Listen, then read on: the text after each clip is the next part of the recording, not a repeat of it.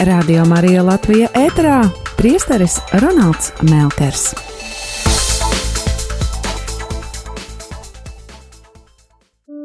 Atvestī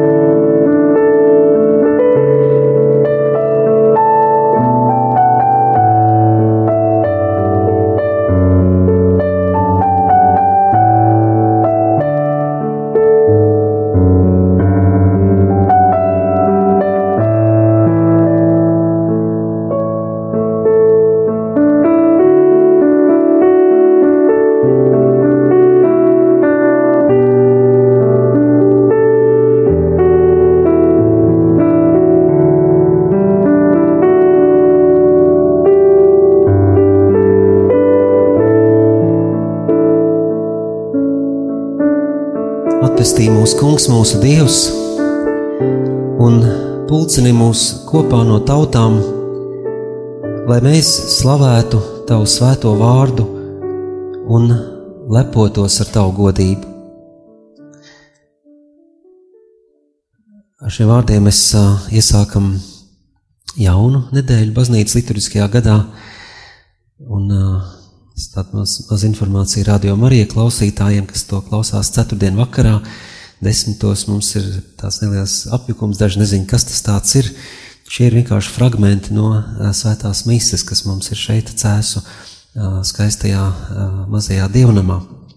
Un turpmākās stundas laikā tad tas, ko jūs dzirdēsiet, ir kāda dziesma vai lasījuma vai, vai komentāri vai uzruna, tas viss ir vienkārši fragmenti no svētdienas svētās misas, kas ļauj jums atcerēties vai atgriezties atpakaļ pie, pie tā, ar ko mēs šonedēļ iesākām.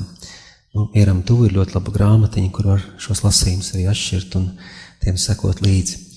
Bet uh, iesākot svēto misi uh, ar grēku nožēlas brīdi, patiesībā tas ir kaut kas tāds, ko mēs varam uh, darīt, iesākot gandrīz jebkuru darbu, pirms nekā sākt nākošo sacerējumu rakstīt skolā vai nākošo, mm,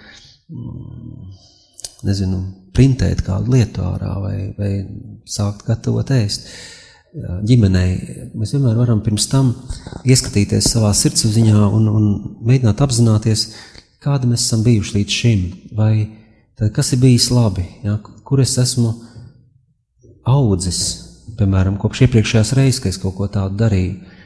Svētās misijas skatījumā visticamāk tas būs kopš iepriekšējās svētdienas, vai pa šo nedēļu es esmu augusi garīgi, vai es esmu kļuvis uzmanīgāks pret uz cilvēkiem man blakus, vai es esmu Dievu ielaidis vai ielaidusi uh, dziļāk savā dzīvēm vai Dievs ir tuvāk piegājis manas dzīves centram, vai arī, ja tas ir kaut kas pilnīgi vienkārši kāds kalpojums mājās vai, vai tam līdzīgi, tad ko es varētu darīt, lai es varētu labāk sagatavot ēdienu? Varbūt es varētu to mazliet veselīgāk, mazliet cukuru mazāk varbūt ielikt, vai varbūt es varētu to darīt garšīgāk, joprojām veselīgā veidā vēlams, vai ne? Vai tas ir kāds, um, es nezinu, kaut kas, ko tu šuji, tad kādu blūzīti, piemēram, tur, vai tamborē kaut ko, vai ne? Hmm, ko es varētu iemācīties, varbūt pirms tam nostīšos kādu YouTube video, ko kā citi pasaulē to pašu dara? Un tādā veidā mēs it kā šķietami uh, neko lielu neizdaram, bet tie mazie solīši, tās mazās, mazās izaugsmes, ir tās, kas ilgtermiņā mums dod vislielāko rezultātu. Mums šķiet, ka mēs varam izaugt tad, ja mēs lieliem soļiem ejam, bet tā, tā augi parasti nepaliek. Tie izdīkst un, un nokalst. Tiem nav sakņu. Bet ja mēs katru dienu ejam mazliet, mazliet maziem solīšiem uz priekšu, mazliet tālāk, mazliet labāk, mazliet skaidrāk kaut ko, tad mēs nostiprinamies tajā un drīz vien pat nespējam aptvert, kā mēs līdz kaut kam tik labam nonācām. Un tieši to pašu var attiecināt, protams, arī uz mūsu kristīgo dzīvi. Mēs esam Kristus mācekļi, un viena no mācekļa pamat attieksmēm, pamat funkcijām vai pamat nodarbībām ir mācīties no Kristus. Un jautājums, ko mēs varam uzdot šodien, ir, vai mēs pa šo nedēļu esam no Kristus kaut ko mācījušies? Kā mēs, piemēram, to, ko mēs pagājušajā nedēļā apcerējām, apdomājām, lasot tik skaistos lasījumus, kas mums bija, kā mēs esam to praktiski, vai vispār esam par to domājuši, vai mēs esam to praktiski pielietojuši savā dzīvē, vai mēs šodien esam labāki kristieši kā pirms 168 stundām, pagājušajā nedēļā šajā pašā laikā. Un visticamāk, atbilde būs, eh, kā krieviski ir tāds ļoti interesants, eh, interesants atbilde, tā ņet nevienēja. Atbilde, kurā ir eh, jā, nē un varbūt. Jā. Tā kā mēs īsti nezinām. Un sirdsapziņas izmeklēšana, tā ir viena lieliska lieta. Es atceros, garīgajā seminārā mums bija, ja nemaldos, trīs reizes dienā sirdsapziņas izmeklēšana. Jā, tas, ir, tas ir kaut kas, kas tev ļauj kā pa tādiem pakāpieniem kāpt augstāk un augstāk un augstāk, tuvāk un tuvāk un tuvāk Dievam, tuvāk un tuvāk un tuvāk tam, kas tu patiesībā esi. Nožēlosim savus grēkus. Mums Dievs, mēs Tev pateicamies par šiem skaistajiem vārdiem, kurus dzirdējām.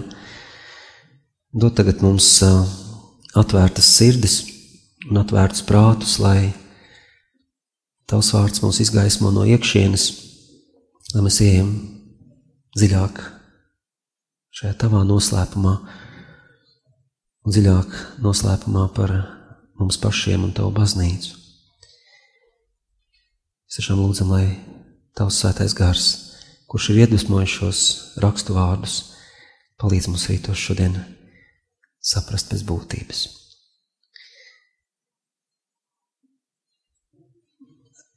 Pirmais uh, lasījums uh, no pravieša Jeremija grāmatas, kas mums runā par šī pravieša aicinājumu. Un katreiz, kad mēs sastopam kaut ko tādu svētajos rakstos, kāda pravieša aicinājumu, es domāju, mēs reiz tā kļūstam tādi nu, ieintriģēti, tāpēc, ka Mēs apzināmies, ka mēs arī esam katrs aicināts, un tas nozīmē, ka varbūt mēs varam atklāt, kā šis cilvēks, kā viņam izdevās. Mēs varam, piemēram, skatīties uz, uz kontekstu, ne kā viņam izdevās sadzirdēt vispār Dieva balsi, ko viņš darīja tajā laikā. Varbūt viņš lūdzās, ko viņš lūdzās, kādu lūkšanu viņš skaitīja tajā brīdī, kad Dievs viņam uzrunāja. Varbūt es varu tādu pašu noskaitīt, un Dievs ar mani runās. Vai, vai arī, bet mēs skatāmies citu aicinājumu, viņš iet kaut ko dara, un viņam pēkšņi darba vidū nekurienes, kaut kādā nekurienē Dievs saka, tu man nāc un man seko. Tātad, hm, un, un es skatoties uz šiem dažādiem aicinājumiem, tā vietā, lai atrastu to, kas tiem visiem ir kopīgs, un tad mēģinātu to atkārtot, cerot, cerot, ka ar mums kaut kas tāds notiks? Manuprāt, ir tas, ka mēs atskārstam, ka katrs aicinājums ir unikāls. Un ka mēs nevaram tikt aicināts kā Jeremijs, vai Elīs, vai Pāvils, vai, vai Pēteris. Katram ir aicinājumam, katram aicinātājam, aicinātājam, katrā brīdī un vietā būs pilnīgi atšķirīga pieredze. Vienīgais, kas būs kopīgs, ir tas, ka šie cilvēki ir atvērti Dievam. Vienkārši viņi ir atvērti Dievam. Bet kad un kā, tas nav mūsu ziņā. Tas ir Dieva darbs. Un, diemžēl mēs šeit tikai tās pirmās nodaļas, dažus pantus uh, palasījām ar nelieliem pārtraukumiem, bet uh, es domāju, tas, ko mēs uh, redzam pie pravieša Jeremija aicinājuma, ir ka viņš ir aicināts un te nu pilnīgi noteikti mēs nevaram runāt par cilvēka nopelniem, lai tiktu aicināti. Jā, tad, jo mēs, ļoti bieži dzirdējis tādu argumentu, ka nu, es jau neesmu cienīgs, es to neesmu pelnījis, ka Dievs man dod kādu īpašu misiju vai īpašu uzdevumu. Paklausieties, ko ķēniņa Josijas valdīšanas laikā kungs saka Jeremijam. Pirms nekā tevi izveidoju mātes, miesās es tevi pazinu. Pirms nekā tu nāci pasaulē, es tevi svētīju un izredzēju par pravietu tautām. Kur tajā visā ir Jeremija nopelns? Ja? Kur ir viņa uh, daļa? Aicinājumā nulle. Pilnīga apaļa nulle. Jo Jeremija vēl nebija, viņš vēl nebija ieņemts mātes miesās, vēl vecāki viņam nebija devuši X un Y chromosomas, un Dievs nebija radījis viņu, viņa dvēseli, viņa garu. Un Dievs jau bija viņu izredzējis. Un, un šī lieta, jā, šis princips, šī, nezinu, kā to nosaukt, ir kopīga visiem aicinājumiem. Vai svētais Pāvils vai Sauls tajā brīdī, kad vajā dedzīgi vajā kristiešus, līdz nāvei dedzīgi, ar tiesībām nogalināt, ar tiesībām iemest cietumā. Vai viņš tajā brīdī ir pelnījis aicinājumu kļūt par tautu apstuli? Tā kā ne tikai tu neko labu nevari izdarīt, lai nopelnītu aicinājumu, bet arī nevar neko tādu tik sliktu izdarīt, lai Dievs atceltu savu aicinājumu. Tad Dieva aicinājums paliek spēkā, lai vai kas. Un beidz attaisnoties ar savu grēcīgumu un nespēju uzvarēt grēku, beidz attaisnoties ar apstākļiem, beidz attaisnoties ar, ar to, ko tu attaisnojies. Tas neko nemaina Dieva aicinājumā, Dieva aicinājums attiecībā uz tevi paliek spēkā. Dievs neatsauc savu aicinājumu tikai tāpēc, vien, ka tu kavējies tam atbildēt. Un Un Dievs mudina, mudina šo jaunekli, kas ir, kas ir, te mums nebija tas, tas fragments, kur viņš saka, bet es tad neprotu runāt. Kāpēc es? Viņš ir kautrīgs. Viņš nav tāds, kas ies un iesaistīties sarunā. Viņš neprot uzrunāt, viņam, viņš, viņam nav pieredzes nekādas. Un Dievs saka, nē, apjos savus gurnus, celies un runā visu, ko es tev pavēlēšu. Jo, lai sludinātu manu vārdu, tev nav jābūt gudram. Tev vienkārši ir jāpazīst man, jāpazīst mans vārds. Tev nav vajadzīgas eh, citas lietas, tās var noderēt. Ja tu gribi laba veselība vai nostādīta balss labi vai kaut kas tāds, protams, nav problēma, bet pēc būtības ja tas ir mans vārds, kas tev ir jāsaka, tev ir nevis jākļūst lielākam un pilnākam ar kaut ko, bet jākļūst vēl mazākam. Un tu saproti, Jeremija, kāpēc es tevi izvēlēju? Tāpēc, ka tu neproti runāt. Man nav vajadzīgi tie, kas prot runāt, viņi traucē ar savu pļāpāšanu. Viņi pat daudz runā. Viņi no sevis runā. Atcerieties, kā svētiem Pāvilam, kāda viņam bija pieredze, ja viņš ir retorikas meistars, viņš pazīst rakstus, farizējs, pareizie, pareizie, pareizā vietā piedzimis, pareizai partijai pieder Romas pilsonis. Ja? Viņam bija viss, lai lepotos, viss, lai ienāktu telpā un teiktu, šeit es esmu. Ja? Un viņš teikt, wow, Pāvils ienāca, Sauls ienāca. Kā viņš iepazinas Kristu? Saka, es to visu uzskatu par mēsliem. Tas viss ir prāt. Tas nekam nedara. Salīdzinot ar Kristus pazīšanu, salīdzinot ar to, ko gars man atklāja.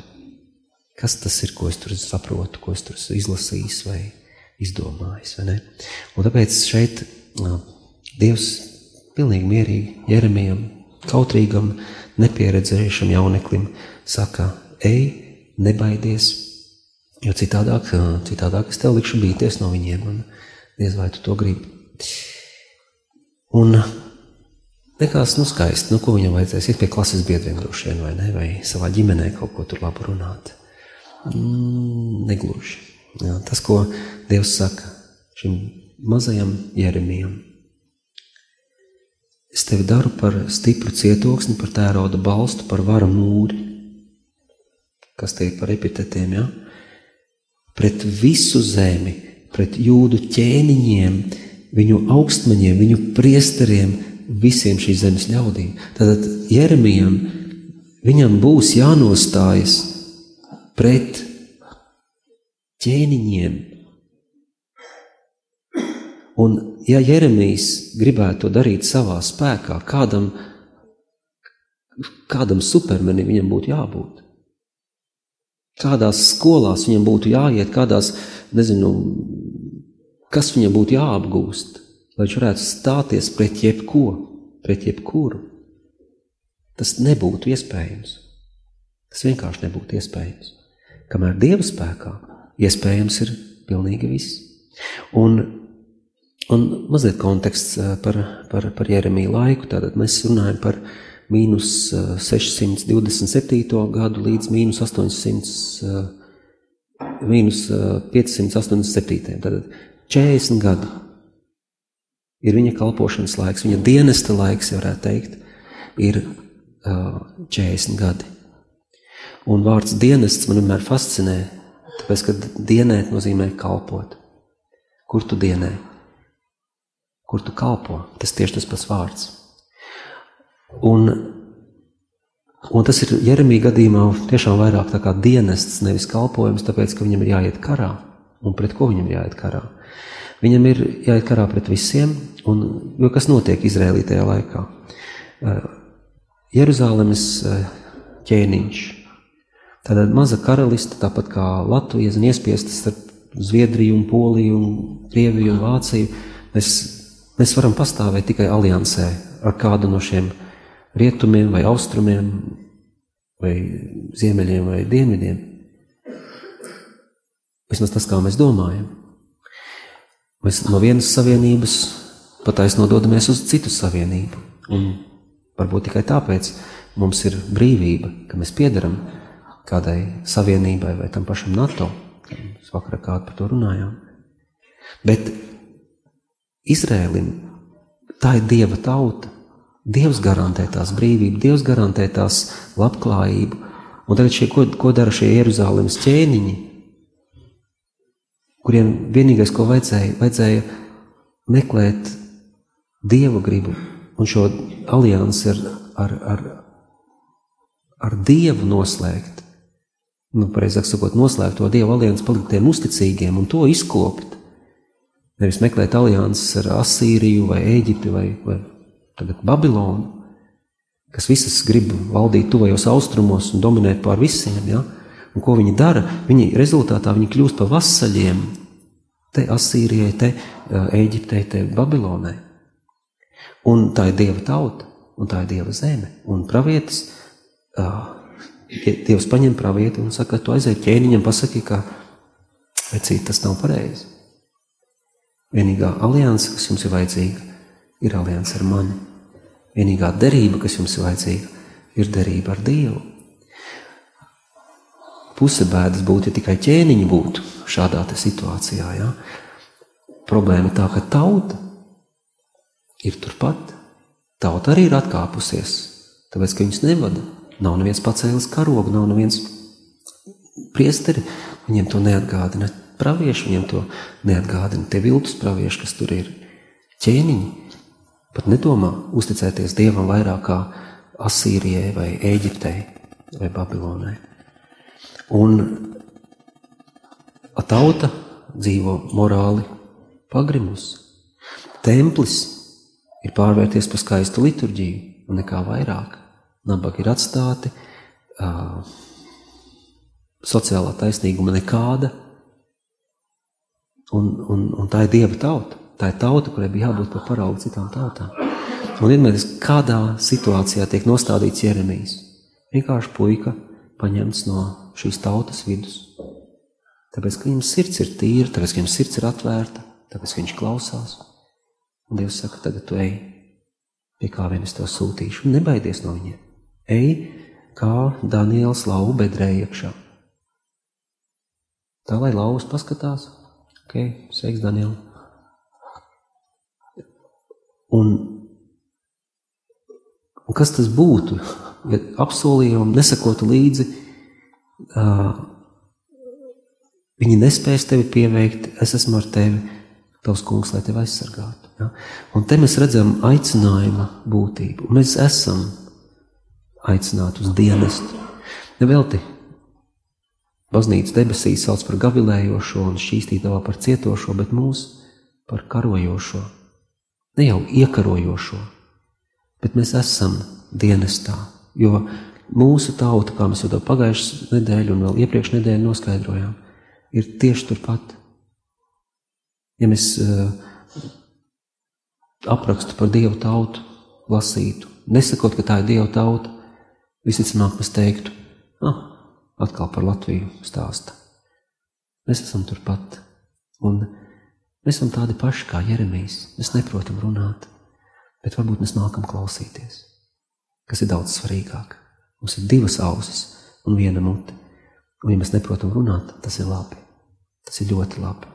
Es domāju, ka mēs būsim daudz uzmanīgāki klausītāji. Un, kad mēs teiksim mūsu teiktajam, būs pavisam cits svars.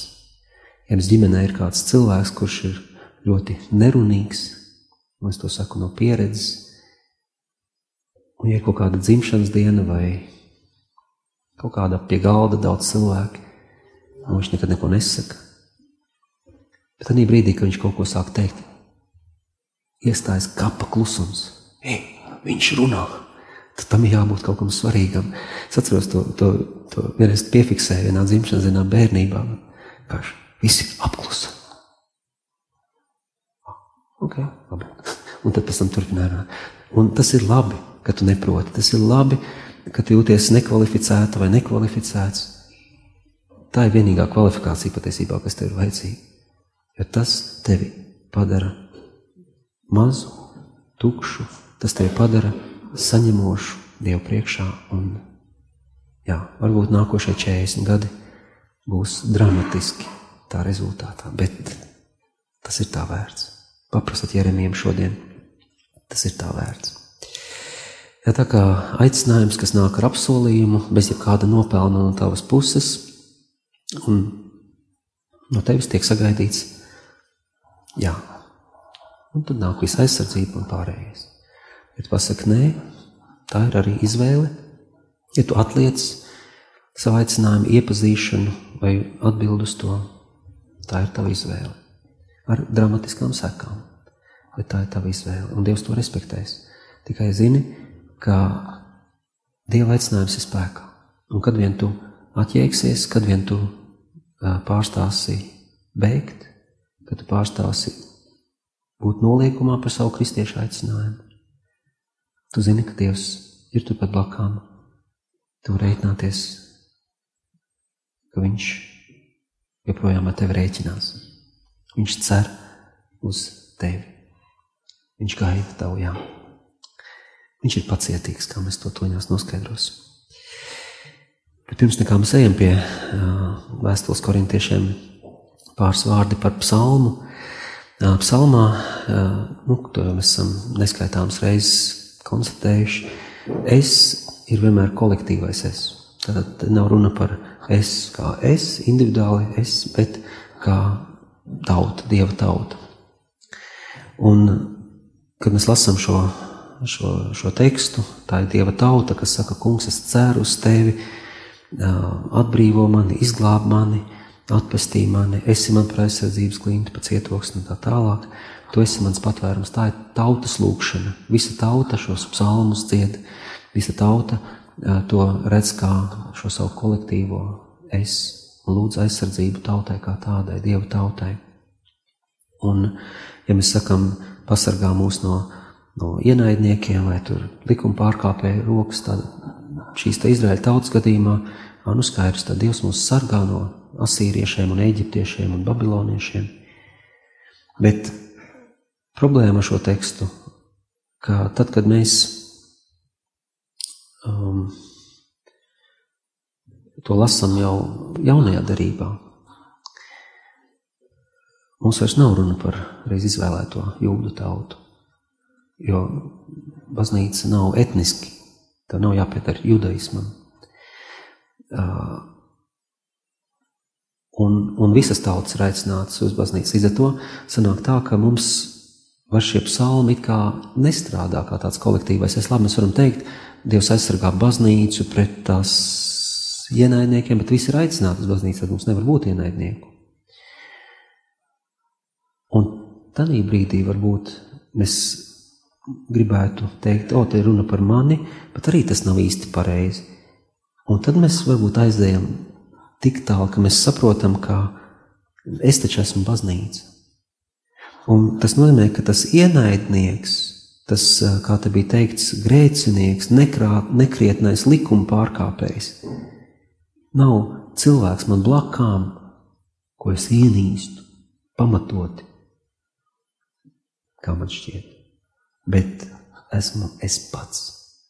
Pats sev vislielākais ienaidnieks savā divkosībā, savā divdaļībā, savā sašķeltībā, kas ir manī. Un, un, un, un kad mēs to atklājam, ka mēs saprotam, ka mēs neesam nekādi graudi un tie citi nav nekādas pelavas, ka Dievs tādā veidā nešķiro cilvēkus, bet ka, atcerieties, katram graudam ir pelavas, un ka es esmu grauds ar šīm pelavām, zelts ar šo piesārņojumu, tad tādā brīdī es šo psalmu lasu, un tā, oh, tas ir kaut kas kaut kas nopietns. Ja? Tur ir kaut kas šajā psalmā, kas manī uh, šķīstī, kas man palīdz, kā tas dziedāja, ne, izvemt to čūsku, kas tevī. Es varu izvemt to čūsku, kas manī. Es varu uzvarēt šo cīņu sevī. Un es zinu, ka šajā cīņā Dievs mani aizsargās. Es zinu, ka šajā cīņā Dievs ir mana aizsardzības klints un cietoksnis. Vēl šajā psalmā mums ir atkal, mēs tikai fragmentus lasām. Man ļoti nepatīk, ka mēs sagraizam tos psalmus, mēs pazaudējam diezgan daudz no tās domas. Te teikts, ne atceries mani kopš manas jaunības, kopš mātes klēpja, tu esi mans sargātājs, nu tauta to dzied. Un tur mazliet tālāk ir neaizmirsti mani manā, manās vecumdienās, kad tagad man ir sirmi mati. Ja, tur atkal ir šī, šī laulības tēma, ja, kad es biju jauna un skaista, līgava, tad tu mani uzlūkoji un apbrīnoji, un tagad, kad es esmu sirma un, un, un, un, un, un, un man ir reti skaisti zobi, uh, tu vairs man nemīli vai kas. Man, tā jūtās tā tauta. Varbūt Dievs mums ir, varbūt mēs esam Dievam apnikuši. Tā mēs varam paši sajusties varbūt es esmu par vecu, lai teiktu Dievam jā. Vienkārši ienāca prātā kāds stāsts par meitenīti piecgadīgu, kura ierāpās savam vecvectēvam klēpī, un viņa pieskarās viņa sejai, viņa vaigam, un tās krunkas un, un, un sausa āda, un Un viņi pieskarās savam vaigam. Viņš tik gluds un mīksts, un vectēvs tik ciets un krunkains. Un, un viņi neko nesaka, bet viņi vienā brīdī vectēvam prasa, viņi saka, vectēv, Dievs tevi tādu radīja. Un viņš saka, jā, bet tas bija ļoti, ļoti sen. Un es saku, bet Dievs arī, arī mani radīja. Es saku, jā, bet tas bija pavisam nesen. Un viņš saka, hmm, vec tev, tev nešķiet, ka Dievs ir iemācījies labāk radīt tagad.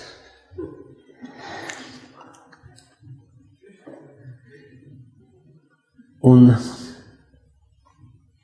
es nezinu, kāpēc es to pateicu, bet, bet doma ir mēs varam sajusties par vecu, lai kalpotu. Tieši tāpat kā Jeremijs sajūtās pa jaunu. Bet šis psalms, tāpat kā pirmais lasījums, mums lūdz, beidz, beidz attaisnoties ar savu vecumu vai jaunumu. Jaunajiem nav pieredzes, vecajiem nav, veciem tā ir. Veciem nav spēka, jaunajiem tas ir. Nesalīdzini. Vienīgais, kas tev jāzina, ka šodien, kad nekad neesi bijis tik pieredzējis kā šodien, ja tev ir vēl vakardienas pieredze, kas tev nebija aizvakar, un tu nekad nebūsi tik jauns vai jauna kā šodien. Laiks tikšķi, jā, tāpēc šī diena ir diena, ko kungs ir devis. Šī diena ir īstā diena vai vakars, ja mēs gribam, kad atbildēt uz Dieva aicinājumu ar šeit es esmu. Tagad uz mirkli atstāsim Jeremiju un psalmu, dosimies tālāk pie vēstules korintiešiem. Parastā liturgiskā laika sākumā es jums brīdināju, ka te nekā parasta nav, Un tie, kas tikai svētkos pievēršās Dieva vārdam vai liturģijai, es domāju, sevi aplaupa pilnībā, jo viņi varbūt dabūna aizberga to galotnīti, bet pazaudē visu aizbergu. Un pirmā vēstule korintiešiem 13 ir tik skaists teksts, ka mēs pat laulībās, es domāju, gandrīz katrās laulībās šis teksts tiek lasīts. Mums gan Francijā bija vien, viens pāris, kurš teica, ka viņi gribētu aizvietot pirmo lasījumu ar lasījumu no mazā prinča. Kas man pārsteidz, bija tas, ka priesteris to arī atļāva, bet tas, ko viņi pazaudēja, viņi pazaudēja šo, ko mēs tikko dzirdējām. Un tie, kas sekojat līdzi, varbūt atšķirat tajā mieram tū, es domāju, tiem, kas klausās ceturtdien vakarā, vai savās bībelītēs. Ja pirmā vēstule korintiešiem 13, tas ir kaut kas tāds, kam ir jābūt jūsu, jūsu bībelēs ļoti tādam ielocītai lapas pusē. Un uh, iepriekšējā nodaļa, kur mēs lasījām jau līdz šim, beidzas ar vārdiem uh, brāļi, centieties pēc lielākām žēlstībām, un tur es jums rādu sevišķu ceļu. Tas ir tas sauciens, ko noteikti Jeremijs izkliedz savai tautai, centieties pēc lielākām žēlastībām, nevis pēc alianses ar Asīriju vai, vai, vai Babilonu vai Eģipti. Psalmā tieši tas pats. Bet šeit Pāvils turpina par to, ka, ja nav mīlestības, jo lielākā no tām ir mīlestība, nekam nav jēgas. Ne, ne tikai nekas nedarbojas, ja nav mīlestības. Kurš to latviešu teica? Negriež maizi, negriež nazis asas, jā, bez mīlestības nedzīvojiet, bez mīlestības viss ir mazs ziedonis. Jā. Bet šeit Pāvils, viņš, viņš noteikti ir iedvesmojies no ziedoņa.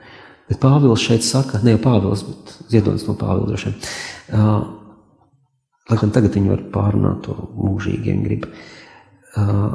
Pāvils, viņš, viņš pasaka, mīlestība ir vienīgais, kas ir kaut kā vērts. Paņem nost mīlestību. Upuris, moceklība, grūtības, pretestība zaudēja kādu jēgu ne, neko nedod. Tas tā kā motors, kas ir brīvgaitā. Degviela tērējās, bet tu nekur nekusties. Tas neko nedod. Ieliec mīlestību, un katra vismazākā lieta, katra vismazākā darbība tevi tuvina mērķim. Mīlestība ir kā tā saķere ar Dievu. Jo žēlastība pēc, pēc būtības ir kaut kas, kas mūs vieno ar Dievu, jo mūsu dabas taču tik ļoti atšķirīgas ir. Un pateicoties žēlastībai, mums ir tas sajūgs ar Dievu. Bet mīlestība ir žēlstības vis, vis, visaugstākā izpausme.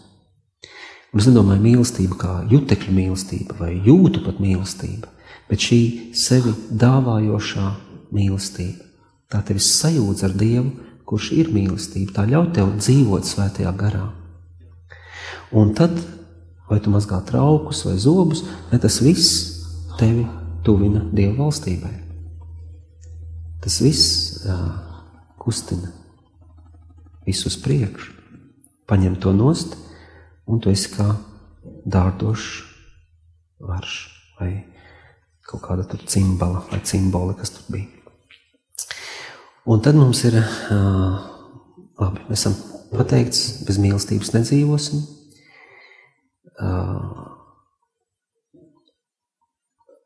Bez mīlestības nekam nav jēgas. Un tad mums tiek stāstīts par to, kāda šī mīlestība ir. Pacietīga, maiga un tā tālāk. Pārlasiet noteikti mieram tu, pārlasiet savās bībelēs. Šis ir viens no galvenajiem tekstiem visā, visos svētajos rakstos. Un, kā es arī to katreiz laulībās kādās norādu, tāpat arī es to noteikti gribu atkārtot šeit, ir ļoti viegli pateikt, Pāvils droši vien runā par Dievu, un viņam ir taisnība, jo Dievs ir pacietīgs. Viņš tevi cik ilgi gaida, kamēr tu viņam atbildi. Cik viņš ilgi gaidīja, kamēr tu viņam sāki teikt kaut ko līdzīgu jā, uz jā pusi kaut ko. Ja? Tu vienmēr cik gadi pagāja. Cik pacietīgs Dievs ir. Ja, tā kā apustulis Pēters, viņš vienā mirklī ir, ir, ir viņš saka, nu Dievam vien ir tūkstots gadi kā viena diena. Kā viņš var būt tik pacietīgs, kā viņš var gaidīt tūkstots gadus, kā viņš var gaidīt četrdesmit gadus. Bet viņš gaida, viņš ir pacietīgs. Mēs tādi neesam. Mēs esam sautīgi. Jūs atceraties to dialogu starp kādu kristieti un dievu, kurš prasa dievam, Dievs, vai tas taisnība, ka tev miljons gadi ir kā viena minūte? Dievs jā, tā var teikt. Vai tas taisnība, ka tev arī miljards eiro ir kā viens cents. Viņš, nu, jā, tā varētu teikt. Viņš ir Dievs iedomā pāris centus. Dievs viņam saka, labi, uzgaidi pāris minūtes.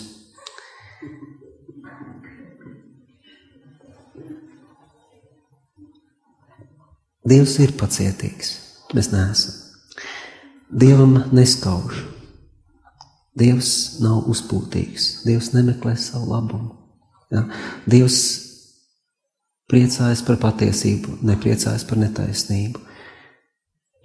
Dievs visu pacieš, visu cer. Tas ir Dievs. Mēs varam teikt, Pāvils runā par Dievu. Ja vien nebūtu iepriekšējās nodaļas pēdējais pants. Pāvils nesaka, Bračkas, es jums pastāstīšu par Dievu. Klausieties uzmanīgi, kāds Dievs mums ir. Viņš saka, brāļi, centieties pēc lielākām žēlstībām, un es jums rādu īpašu ceļu. Šis nav ceļš parastais. Jeremija ceļš nav ceļš parastais. Šis ir īpašs ceļš, šī ir lielāka žēlstība. Un tas nozīmē, ka vārda mīlestība vietā mums ir jāspēj ielikt nevis vārds Dievs, kas ir pašsaprotami, bet mums ir jāspēj ielikt savu vārdu. Man ir jāspēj tur ielikt vārdu Ronalds. Vai kāds, kuram no mums tas vārds tur ir. Un tad tu izlasi šo tekstu. Tad tu apklusti.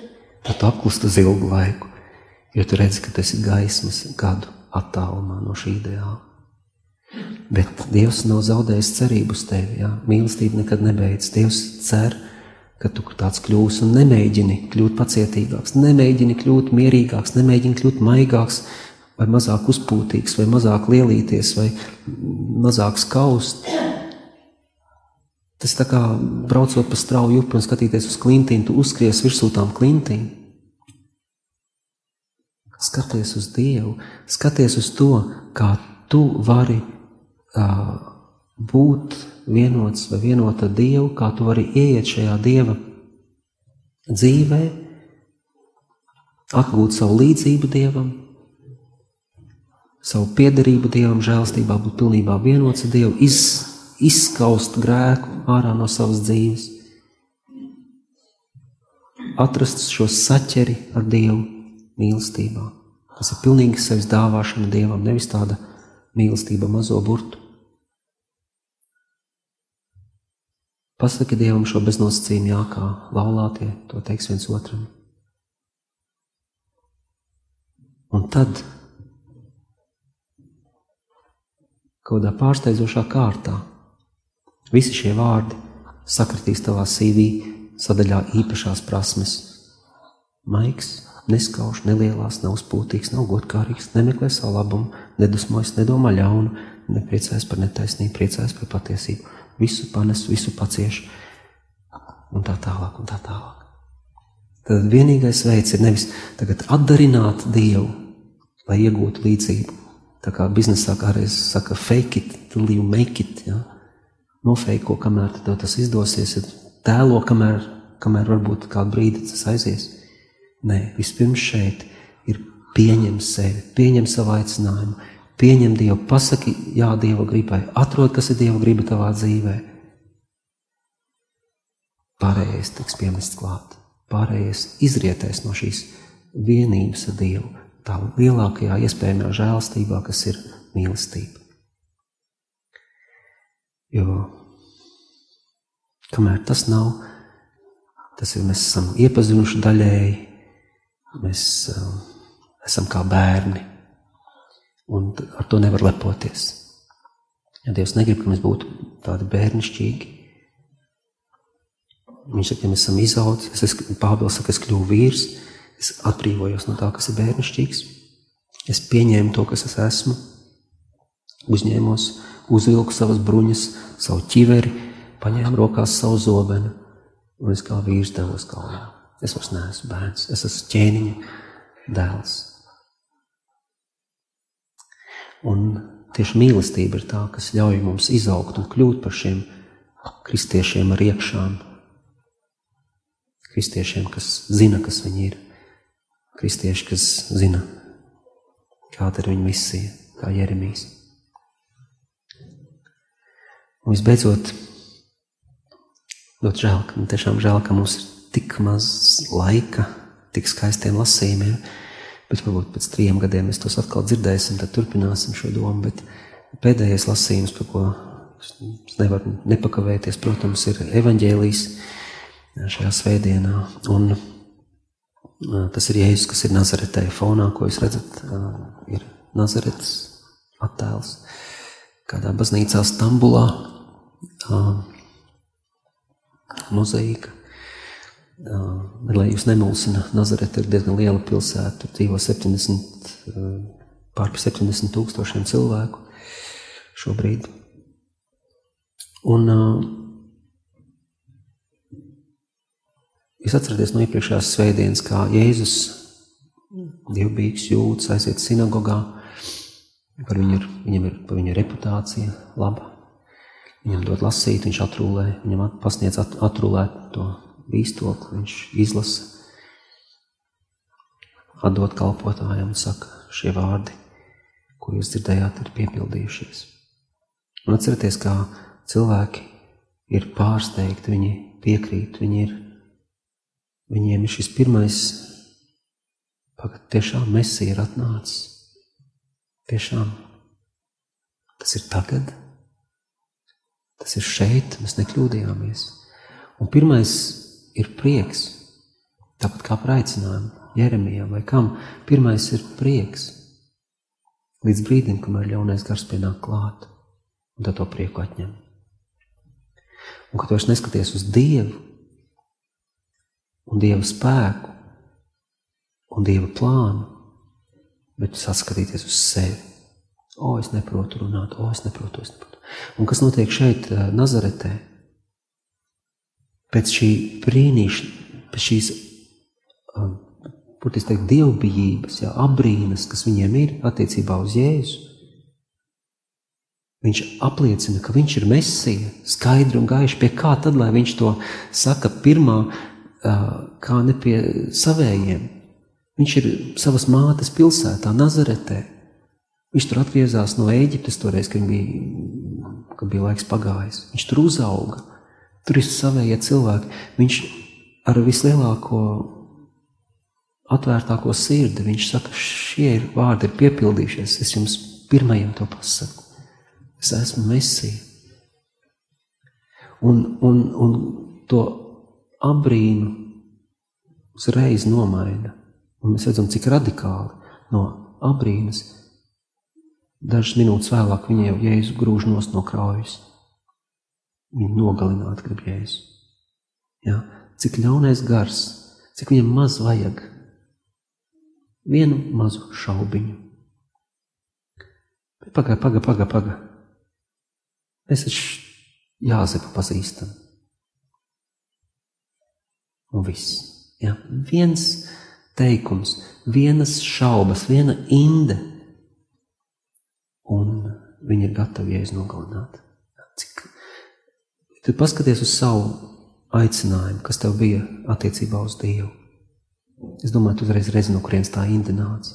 Tā varēja nākt no tevīm, no tavām šaubām, tā varēja nākt no taviem vismīļākajiem cilvēkiem, tā varēja nākt no priestera, pie kur tu atnāc ar savu aicināja, viņš teica, nu, nu, nu, nu, nu nomierinies, nomierinies, ko tu tur iedomājies no sevis. Ja? Tas var, un to ir tik daudz svētie piedzīvojuši. No klosteru priekšniekiem, no, no pieredzējušiem kristiešiem, kas tā vietā, lai, kā jau mīlestību prasītu ar pacietību, ar maigumu, ar baltiem cimdiem, šo trauslo aicinājumu mēģinātu atputekļot un, un, un, un izcelt un, un, un pārstādīt labākā augsnē. Tā ir tā viņa tam uzmina virsū ar zābaku, no pagroza, tā lai tur nekas neaugtu. Ja, un ja tu neesi izaudzis, iespējams kaut kas tāds tev ir noticis, ja, ļaunais gars ir uzreiz pienācis klāt un pamēģinājis tev apgāst.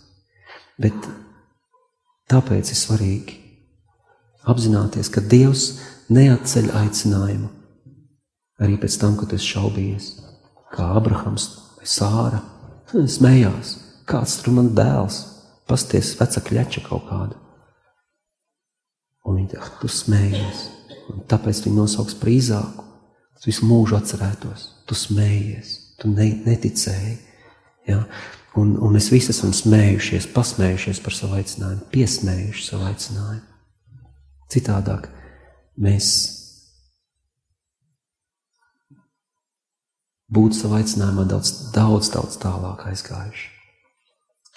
Un uh, Jēzus tiek uh, izstumts ārā. Un, protams, ka viņš atsaucās uz Jeremiju, jo, var sakot, kad pravietis savā, savā ciematā netiek, uh, netiek atzīts. Un kas viņus satracina visvairāk, ir tas, ka viņš jau atnāk ar patiesību.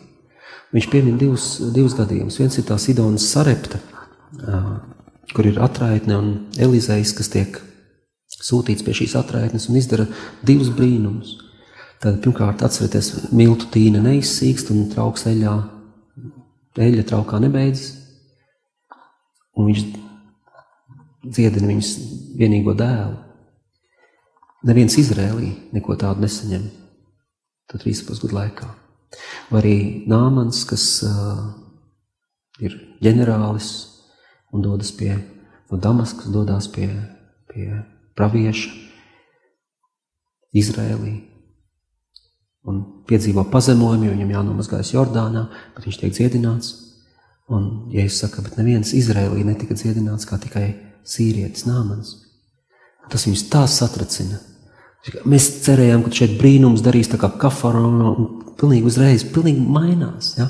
Tur vairs nav abrīnas, tur vairs nav mīlestības, Tur ir tikai, ko tu esot darījis, kas esot noticis kafarnāmā, tur ir šaubas, tur ir inde, tur ir pasarg Dievs, ka tā inde nāk no tavas sirds un caur tavu muti. Par kaut ko, ko tu nesaproti, kaut ko, kas ir atšķirīgi nekā tu gribēji, kaut ko, kas tev liekas, tu jūti apdraudējumu. Bet mēs visi esam šīs indīgās čūskas, un ir pienācis laiks izvemt šo čūsku, kas tevī. Cik ilgi mēs apšaubīsim savu aicinājumu? un neko nedarīsim kā kristieši. Cik ilgi mēs, mēs, mēs pretosimies Dieva gribai, cik ilgi mēs, mēs, mēs, mēs degradēsim sabiedrību ar savu indi, ar savām šaubām, ar savu negatīvismu. Un kas ir labākais? Jo Ja es būtībā gribu pateikt šo brāļu, centieties pēc lielākām žēlstībām saviem brāļiem, burtiski brālēniem, māsicām, saviem kaimiņiem, saviem skolas biedriem. Bet viņi nav gatavi dzirdēt. Bet atcerieties, ja esi Dievs, un Dievam tūkstots gadi ir kā viena diena. Vai viņš atmet Nazareti? Viņš neatmet. Viņš vienkārši aiziet, tāpēc, ka viņa laiks nomirt nav pienācis Viņš iziet caur pūli, kā Jeremijs, ir tev nāks armija, tu ies pretī, tev neviens nespēs stāties pretī. Un, ja es pilnīgi kā pravietis, viņš iziet cauri pūlim, kas viņu grūž no kraujas lejā. Ar tik tālu, tik neaizskaramu tevi padara aicinājums. Bet viņš neatsakās no Nazaretes. Un mēs zinām no vēstures, cik Nazarete vēlāk kļūst par lielisku kristīgu pilsētu. Vēl šodien 30% Nazaretes iedzīvotāju kristiešu. Tā ir, ja nemaldos, pilsēta ar visblīvāko kristiešu īpatsvaru šodien. Ja? Dievs neatmet, tāpēc, ka Nazarete šaubījās, tāpēc, ka viņi gribēja nomest no kraujas, uz jēzus tas nestrādā. Ja mīlestība laiž garām šādas lietas. Ja? Un, un, un mēs ko darām, ja kāds mums ir kaut ko nodarījis pāri, mēs viņu norakstam. Mēs viņu gribam nogrūst no kraujas. Tā vietā, lai vienkārši aizietu un pēc tam atgrieztos. Nav gatavi. Ok, atnāksim citu dienu. Kādu dienu tu būsi gatavs? Kādu dienu tavi mūri, aizsarg mūri kritīs, tava aizsardzība. Vien, vien kādu dienu tu padosies Dieva mīlestībai. Tu nevari bezgalīgi iet pret straumi. Pienāks tava diena nezaudēt cerību uz saviem mazbērniem, kas nenāk uz baznīcu, nezaudēt cerību par saviem kaimiņiem un kolēģiem, ar pacietību, ar respektu, ar mīlestību, kas ir tāda, kā Pāvils to apraksta vēstulē korintiešiem. Mēs tur varam nokļūt. Bet šeit es domāju, ka tā realistiski domājot, ir labi, ka mēs redzam to ideālu. Jā. Pāvila vēstule korintiešiem izlasiet, tas ir aizvieto mīlestību savu vārdu, tas ir tavs ideāls. Bet reālā dzīvē tu esi kaut kur starp naceriešiem, kas grib jēzu nomest no klints un, un uh, Jeruzālemiešiem Jeremija laikā. Un Jeremija un Jēzu kaut kur pa vidu mēs esam visticamāk. Un tāpēc šī neskaidrība ir jābeidz. Jā, mums ir jāpasaka, pagaid, cik ilgi es klibošu ar abām kājām, cik ilgi es uh, atlikšu to, kas es esmu, ja jau Dievs ar mani runā, ja Dievs runā ar baznīcu šodienas lasījumiem, varbūt es sākšu ieklausīties, varbūt es teikšu, Dievs, zini ko, atkārto lūdzu vēlreiz, ko tu sacīji. Paņemšu savu mieram tu, atvēršu vaļā, paņemšu vēl kādu marķieri, izcelšu vārdus, kas man uzrunā, un teikšu, a, kāpēc es tā nedzīvoju? Kāpēc man joprojām čūska, indi, šļaksta? Varbūt ir pienācis laiks izraisīt lemšanu. Tas ir pretīgi, tas ir nepatīkami. Atzīt savu nelietību, atzīt, ka pelavas ir tevī nevis citos, ir šausmīgi grūti un pazemojoši. Tikpat sāpīgi kā nomesties ceļos pie poda un vemt. Tas ir pretīgi, tas smird tur nav nekāda prieka. Bet tad, kad tā čūska ir izvemta, iestājas miers. Un tad tu lasi vēstuli korintiešiem un saki, jā, es gribu vai nu šo, vai neko, vai nu dzīvot mīlestībā, vai nu nedzīvot nemaz. Un tad tu kļūsti nevis kā nazarieši, bet kā nazarietis. Tu kļūsti nevis kā pretinieks, Sauls, bet kā Pāvils. Tad tu kļūsti kā Kristus. Un tas ir tas, ko es domāju šodienas lasījums vēlas pateikt.